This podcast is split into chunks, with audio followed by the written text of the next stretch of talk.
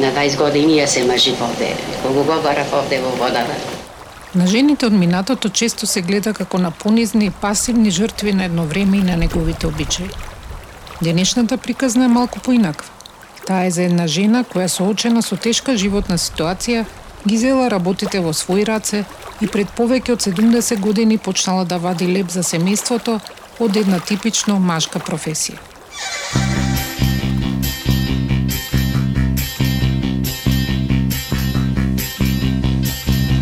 Јас сум Илина Јакимовска.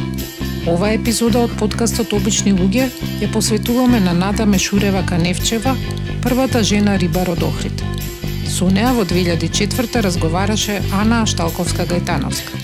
Нада, Нада Мешурева родена сум во Ресен. Така. 1922 година. Во земјоделска фамилија. Имавме имот, башчи, невија со жито. А, шо немавме? Имот имавме многу. Работав многу, како момиче. Да, да ти кажам, прасина, волој, крави, кокошки, од работа бегав, да се мажам негде за полесно. Имав и момчина што ме бараја тука, не сакав ресен да се мажам, сакав некаде подалеку да не работам се омажи во Охрид. Овде фамилија беше рибарска фамилија. Ко се мажив ми беше многу убав дека. Најдов свекарва, девер, нежена. Две золви немажени, две мажени, мажот ми и јас. Многу бевме радосни и весели овде во куќава. Со гости секој ден имавме. Риби, фашташе, мажот ми си беше газда, имаше свој лакој, чуној, со аргати работаше, аргати идаја. По банка на ден аргатите му даваше, си идаше, идаја аргатите. И тие ловеа, што како што како беше тоа со аргатите? Со лакот, со чунот ќе дојде аргатите, ќе одеја, ќе ловеја, ако ќе се одеја аргатите, по една банка му даваше. Аха, така. Секој ден по една банка. Ако ќе фатеше риби, појќе по три риби на прстите ќе му закачеше. Чорбал, Чорбалук? а, чорбал му даваше. То, то се вика чорбалук, рибите? Чорбалот. Со мажот и Ирак се запознале како што било тогаш редот, преку стројник, по пионче од Ресен. Ама првиот пат младиот рибар од Каневчеви некако не и фатил око, како да подкуцнувал на едната нога. И идат попо со еден турчин, Јас си пречекав, му бацив рака, влего е натре, му пушти вино една чинија, што имавме, што дал Господ и почестив. И попо стана си ојде. Му пуштил телеграма, како да знаеш да дојш, денек, да се видиме. Се видов, не дојде со Димитри Точко заедно Ирак. Јас не го бендисав првиот пат. Не, а? Не го бендиса. Што не ти се бендис? Не ме бендиса некако ко, не знам, не ме бендиса. Уште еднуш дојде и реши се мажи за одека. Така било писано. Шо ќе А како гледаше вака, што што не ти се бендиса на пример? Како Не ме бендиса, не знам така не ме бендиса човеков. како не, изгледат вака как, каков е? Не ми се свиде некако како да беше вака како да се валеше и јас реков не сум куца за куц да се мажам. Аха, аха. А тој не беше куц, туку од влакоите што и тргале Аха. и, и така се валеше понекога. Се валкаше во одењето, не беше многу удемек, ама така ми се виде нешто. Али било писано, ето втор пат дојдоја, тој рекол, уште еднаш барем да ја видам. Дојдоја уште еднаш со Димитри, јас излегов надвор, везех една боша, уште имам за спомен, белбес, и добар ден ми рекоја, добар ден, ме испули тој убој, јас го испулив, и ја реков на сестра, нека видите.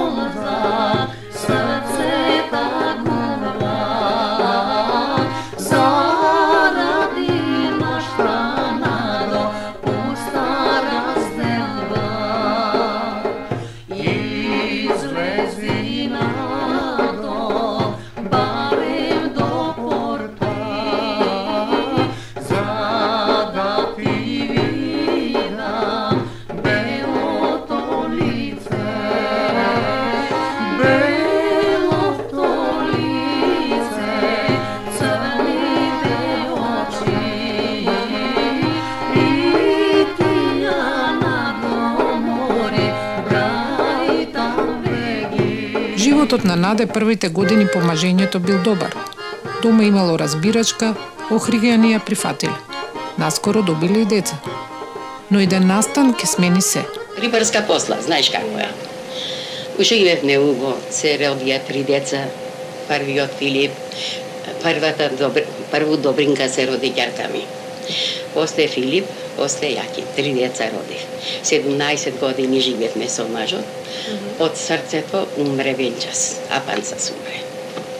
Срцето го стегна, не знам што, пешчани беа со вакот. Фашеа риби таму, дојде, раката му отркна. Бргу бргу ојдовне, рече книшкава да ја подпиша на рибарница и таму падна умре.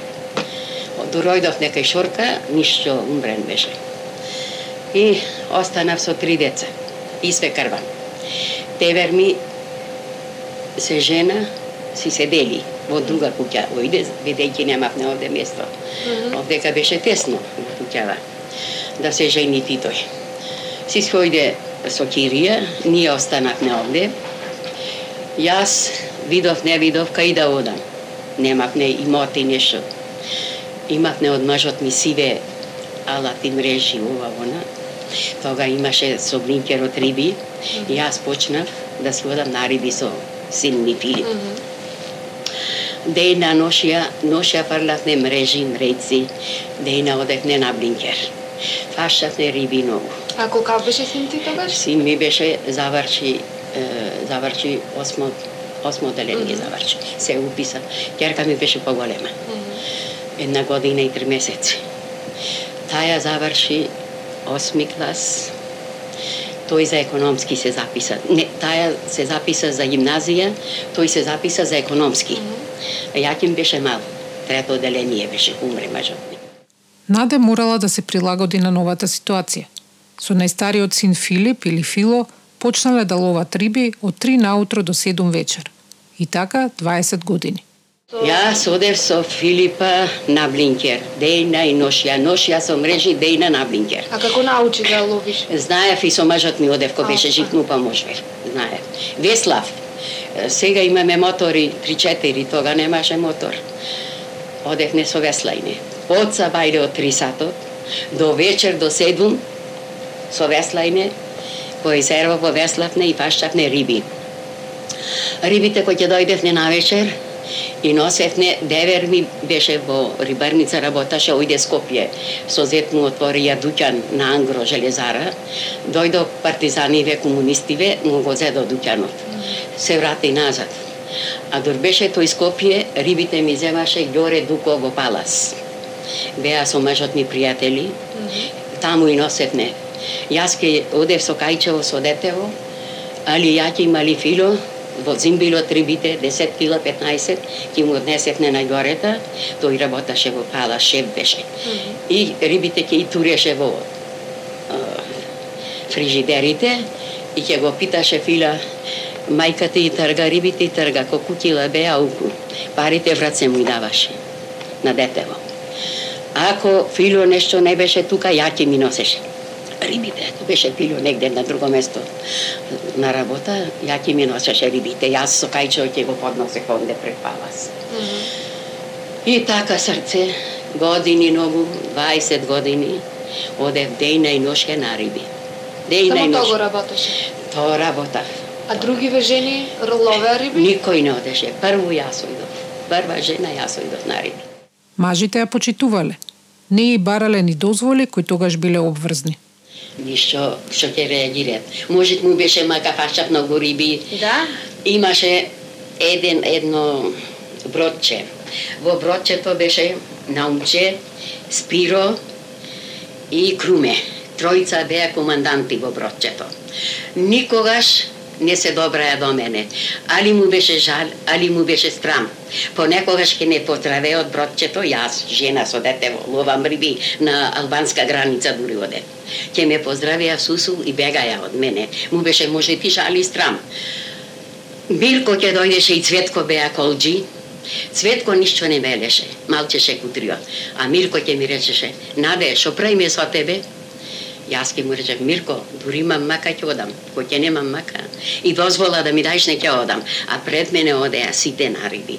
А море адвокати, море чиновници, море рибариве и плата зема и одеа. Кој не одеше на риби, грабев не риби, риби имаше баба. А јас дојца жена со три деца не ќе не ќе одам на риби. И јас одев секој ден. Секој ден од сабајде, од три сато до седум јас ќе бев Дозволи јас не, не, не земав дозволи никогаш. Само во неделя земав зашто струшката контрола ќе дојдеше наша, ама не ме гонеше. Mm -hmm. Струшката контрола еден ден Ој ме сојаќи има, а дозвола зедов тој ден, неделя беше. И да срушката контрола и ми вели, имаш дозвола? Имам. Ми е грабна дозволата и си ојде останав без дозвола. И да Цветко и Мирко, имаш дозвола? Имам, реков, ми е грабна ја струшкава контрола ми е зеде. И тие пони ми, му е зедо дозволата, ми е донесо раце. Така беше. А инаку не ме гонеа нашиве колджи и милиција никој не ме гонеше. Никој, никогаш. Ко знае, али жал му беше, али страм му беше, али... Но многу ме уважаваја, многу бире. Чест ми праја, не знам зашто, како, мажот ми може беше добар, се носеше со сите. Не знам. Најчудното во сето ова е што Нада никогаш не е учила да плива. Зашто не знаев и да пливам. Не? И да се удаев, не знам, не, не знаев да пливам. И ден денеска не знам, е. Рибарењето сепак не е била единствена обврска. Во дворот под Канео таа пречекувала туристи, како што вели отмени гости за кои подготвувала домашна храна, со кајче носела леп за печење на фурна, перела по цел ден боса во езерото. Многу убав живот, вели, ама мъчен. И така сум проживела многу мачен живот, многу мачен. Али и пак, пак берќат версам, децава порастеа, ми се изучија. Со свекарва имат кумре маш ми 20 години, живи со неа. Под, после сиње 20 години живе со мене. Многу ме сакаше. Да, убо живеев. Многу убо живеевме, многу бире убо, многу ме сакаше. Бог да ја прости, многу беше добра и ме сакаше многу. И, а Девер ми беше делен, на друго место mm -hmm. живеше. Јас со неа живеев. После 20 години умре таја по мажот ми. И така децата ево се изучија. Си се женаја, куќа направивме, Од рибите све. Што и бере парите од рибите. Децата изучи, куќава и направивме Све. А лето зима одеше секој ден? И лето и зима, и зима одев. Зима. И низ дома, низ куќа и... И дома, и пер... гости клава, многу гости клава во куќата стара. Mm -hmm. Ми да ја, не одев да чекам, ми да ја сами. сами mm -hmm. си да ја. Многу гости и многу бај луди клавав, од мене луди. А и, а и по некој сакаја да јаде кај мене, mm -hmm. му правев, му готвев. Перев, леп ме спев, лебој ме спев мене. 6-7 сомуни, кај ставрата ки ги однесевме со кајче. Имав едно кајче, но куповам, едно големо имавме за нариби и чун имавме и кајче mm -hmm. за нариби што одевме. Со чун одевте нариби? Со чун мажот ми одеше. Од кога почина тој, одевме ние со кајчето. Mm -hmm. А уште едно кајче купихме мало за лебо да го носиме. Сиве комши ме опите кога го меси лебот, го месвевме сите заедно. Mm -hmm. Кој ќе го размесне, кој ќе го лебот, сите заедно, ќе го размесие и овде се чекавме сите во кајчето, ќе кладевме 6-7 шици, и ќе однесевме кај Ставрета онде фурнаджијана. Mm -hmm. Кај Ставре Марковски онде кај имавме на Сараище фурна. Mm -hmm. И таму ќе го однесевме лебот. А за земајне лебот ќе и пуштевме децава. Филип, големиот син ми, и благовеста, Јаки, наумче, под порастени беа, некои деца ќе пушчевне, или пак ние ќе одевме една-две жени, ќе кревавме штиците и ќе донесевме лебојде, цела неделя леп ќе јадевме. По 6-7 сонуни ме свепне. Леп никогаш не купевме, сиве си месвевме дома жаниме. Перевме, а ранија ќе кладевме. Корите имавме две. Едното да периме, другото да клаваме плачкиве, кој ќе цедиш, кој ќе клаваш. Во двете корита перевме, Ако беше зима, подпеш одевме онде када периме под камено зашто дуваше, немаше ки да пери. Подпеш, овде подпеш. Тука под каменот ќе кладевме ранијата и коритата, цел ден ќе перевме крвами, кој ќе и жулеше плачките и жулевме, кој ќе дојдеше за плавење, ќе ми речеше, нане, наде, јас капнав, ќе легнам горе, оди ти сега плави. Ја цел ден боса ќе плаве плачките во Изерово. Цел ден до вечер, на три недели се слеквевме. Три пата ќе се слеквевме и еден ден, цел ден ќе беревме плачките. Имавме плачки за преслеквење. Има ја све. И така по цел ден ќе плавев до вечерта. Нодзеве, оукавај, потечени црвени од вода. Имавме, и мажот ми имаше чизми. А ако чизмиве му инаква сев, имаше и валко ќе перев некогаш. Ќе ме караше за што вечерта тој требаше на риби дојд. А нема други. Сега имаме и јас, имам и сиве деца, име чизми. И купвиме. И тога, боса цел ден ќе плавев, ве, вечерта и јас капната, леле мила мајко, плачките цела неделя, ако врнеше, ќе соја по телојве. Немаше кај да сушиме ни печка имавме ко сега лепа кикла и потреа горе на балконом, да. на печка и ги испаи, тако не се допами. Тога по цела неделя ќе седеа по дворовите плачките. Одвај ќе се испаја на ошчо, на ошчо ќе ипајавме на, на оглишето на главните да. и така срце. Јазикот на кој што зборува Нада е живописен, сочен. И низ овие извадоци за некого може да има непознати зборови. Спомнатата аранија, на пример, во која што переле, е бакарен котел – Жулење е триење на лиштата, со сапун или со пепел. Коджиите кои ја застанувале кога ловела се чувари на езерото, контролори. Сепак, охридскиот диалект таа на почетокот тешко го совладувала. Ке речев ортома, ќе се насмеа. Овде викале ортома. Mm -hmm. Ке речев стис, тие ќе се насмеа, джис викале. И така ја ставав дикат. Надо бев клавав, ама трои сум дикачија, mm -hmm. дикат. И така сфатив како зборве тие и јас така зборувам. Го менав зборот одресен. А пак се мажев, мајка ми ми велеше, одавде све да заборави, што ќе прави таму, што ќе чине таму, така, така да. И така прави.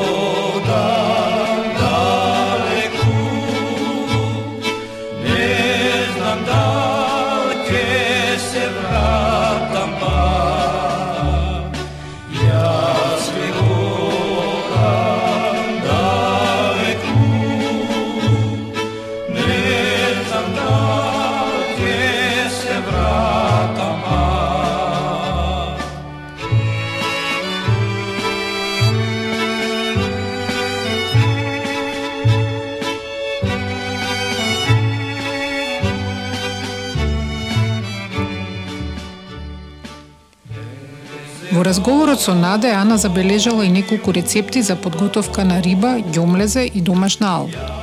Еве како се прави манџа со риба и кромит. Рибата летница ќе ја земиш, ќе ја расцепиш, ќе ја исечиш на парчиња големи, ќе здробиш кромит. Све крва ми понекогаш и малку прас ќе клаеше за полезета е. И пиперка црвена ќе здробиш. Ќе го испржиш убо кромитчето. Ќе му туриш малку вода, македанче, макдонос ке му фрлиш и запршка.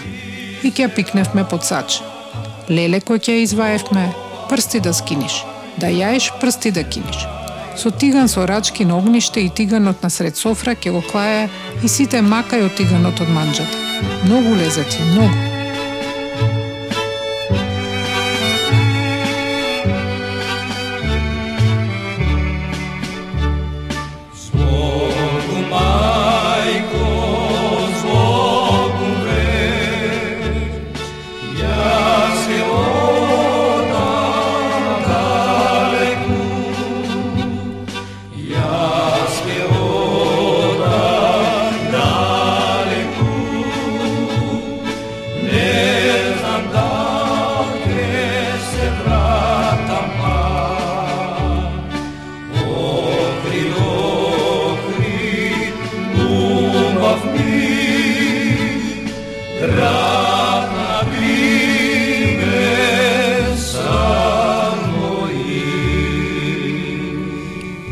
Интервјуто од 2004 баба Наде често го спомнува својот внук кој го носи името на деда си, Ирак, син на незиниот Филип.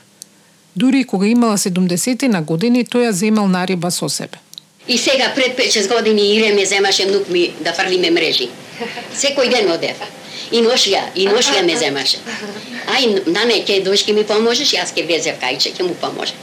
Една вечер ме зеде она му, кај присовјанине она му, лавино потака, кај присовјанине. Леле, леле, имаше мрежи фрлено. Еден ветер цевер дуваше, јас никогаш не ме болеле рацеве, не ми студело толку. Јас возам ветрот назад ме вращат. Јас возам ветрот, тој берит мрежиге. Леле му вела мире, фашча и весливе, веслава многу ми студи срце, многу ми, ми отрпна рацеве студ. Тој со едно товество го фати и со другого јас возам и вери ме мреживе, едно кошаре преполно риби со обратне од мрежите. И донесов на обдека. А овие маживе сиве син ми беше со другари, фрли мрежи онаму и мрежи, мрежите ни најде, не фати риби и мрежите ни најде. А ние едно кошаре риби фативне со ирета. Преполно. Ко дојдоа се почудија. Ние рече и мрежите изгубивне ни риба ни мрежи, а вие рече на табла риби. Ова лето Ана го најде Ирак и ги сними и неговите спомени за баба си, која починала во 2011 и за начинот на кој животот се променил од незино време во идиличниот залив под Канеа. Та, та беше легенда со сите и се држеше и муавет имаше кафе, локумче, све джек джек беше. Многу шармантна жена, Да, стварно. да. И ја љубеа сите беше Сите. зато А ти Посебно. Посебно, да. Так, так. А ти цело време во интервјуто тебе те спомнеше, Ирак. На два-три Ирак. пати да ми имаат и со внук ми кајше и едно друго. Те спомнеше често. Море до душе сите ги имаше таа. Памтеше многу, сите ги имаше спомнато, али и мене на два-три пати така е. Тој ја продолжува традицијата на пречекување гости во дворот на семејната куќа и готвење за нив. Иако начинот на спремање може да е различен, рецептите се истите. Добро, го преземавме од, од стариве, за рибиве, значи со порано и чадеа. Чадеа, на скара, на кјумур, така беше. Сега, ево види со плотниве сме поиќе, Да, фритези, све, али сепак горе-долу се трудиме да види истиот рецепт. И, да. и- Истиот рецепт да е и ги значи рибата едно е најбитно за рибата, се знае.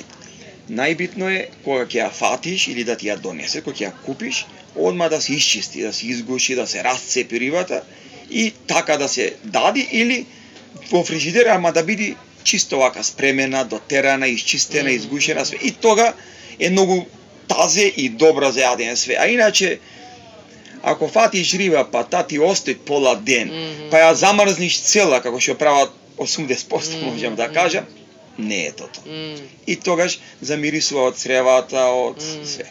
А вака изчистена, дотерана и тазе фатена, како да ја направиш, и ако си мајстор добар, Ехе. како што ми е сега сопруга, можам да кажам, исто Браво. та го презеде за наетот, исто добро готви многу. За риба е Која учеше нејзе? мајкава и баба. Така. Да, мислам, баба беха овде, заедно живеевме и Ага. гледаше од неа, нормално. Браво, браво. Од супер. баба ми. Ирак има три керки – Марина, Ангела и Елена. Сите се одлични пливачи, но средната Ангела изгледа ќе наследе баба си во познавањето на езерото. Наследник, можам да речем, на баба ми наследник ми е таа. Исто добар пливаче, добар веслаче, Браво.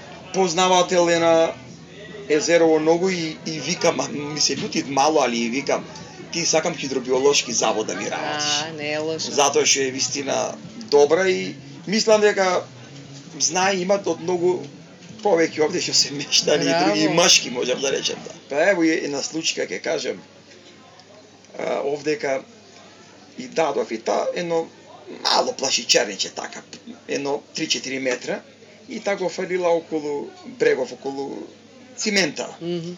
Е, овде околу цимента многу змии имат Ага. овде е водни. И са бајлето кој да бери креват, шо бе, пет плашици, 200 змии е зборот, тоа 20 змии имаше. А бе, тато, ти мене плашичарник или змијарник ми даде, вика да.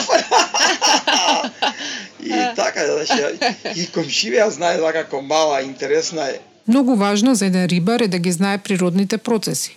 Кога дува, од каде дува? Кога се облачи, дали ќе врне? Дали ќе фати невреме? Во времето на нада луѓето главно се подпирале на собственото искуство. Кажи ми еден ден вака на риби кога ќе тргнеш како ти изгледат ден. Влегвиш в кајче и Ќе се ополјев прво во Галичица. да, Ако имат облак згора, ќе вејт. Ако немат, ако е чиста Галичица, јас тргав на риби со детево. Одев. Ако имаше облак, ако се наоблачеше, јас ќе му речев на детево. Веслава ќе ти пуштам. Ако не ги береш блинкерите, ќе фатив невреме. Знаев за невремето. Невремето знаев кој ќе фатеше, зашто, како што кажеше мажот ми сиве. И јас фатив за време, како ќе што ќе.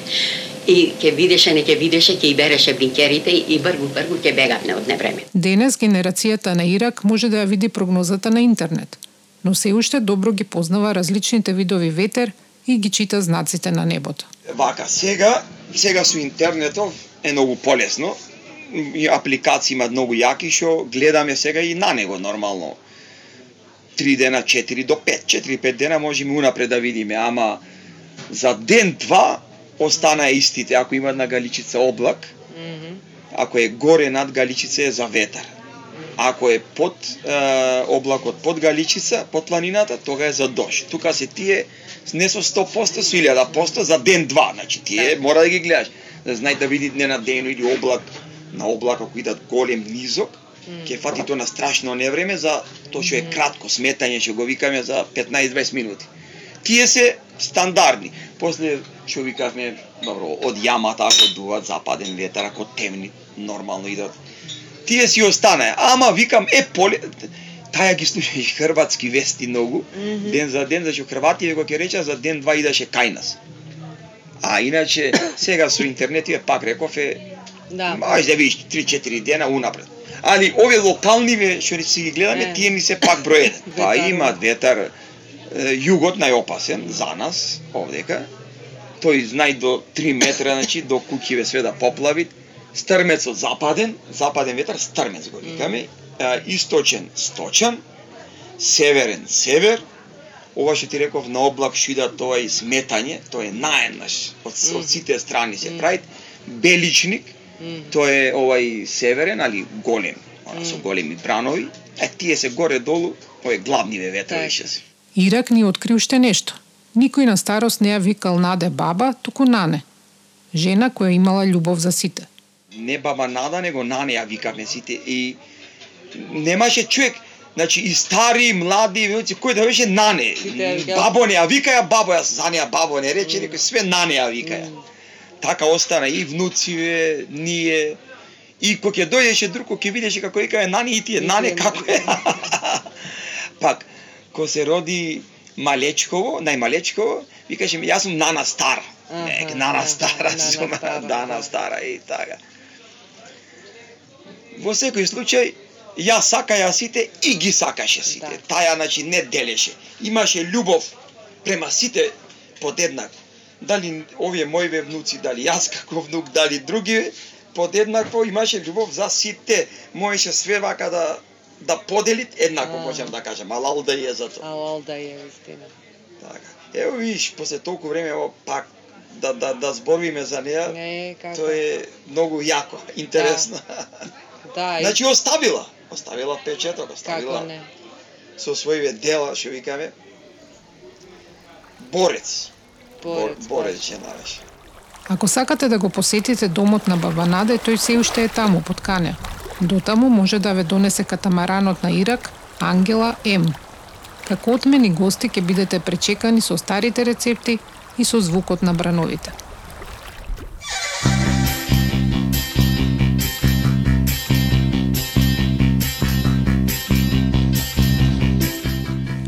Јас сум Милина Јакимовска. Разговорите со Нада и со незиниот внукирак ги направи Ана Шталковска-Гетановска. Аудиомонтажа Бојан Угриновски. За фотографии и целосен транскрипт посетете го нашиот сајт обичнилуѓе.мк. Се гледаме следното лето под Канеа.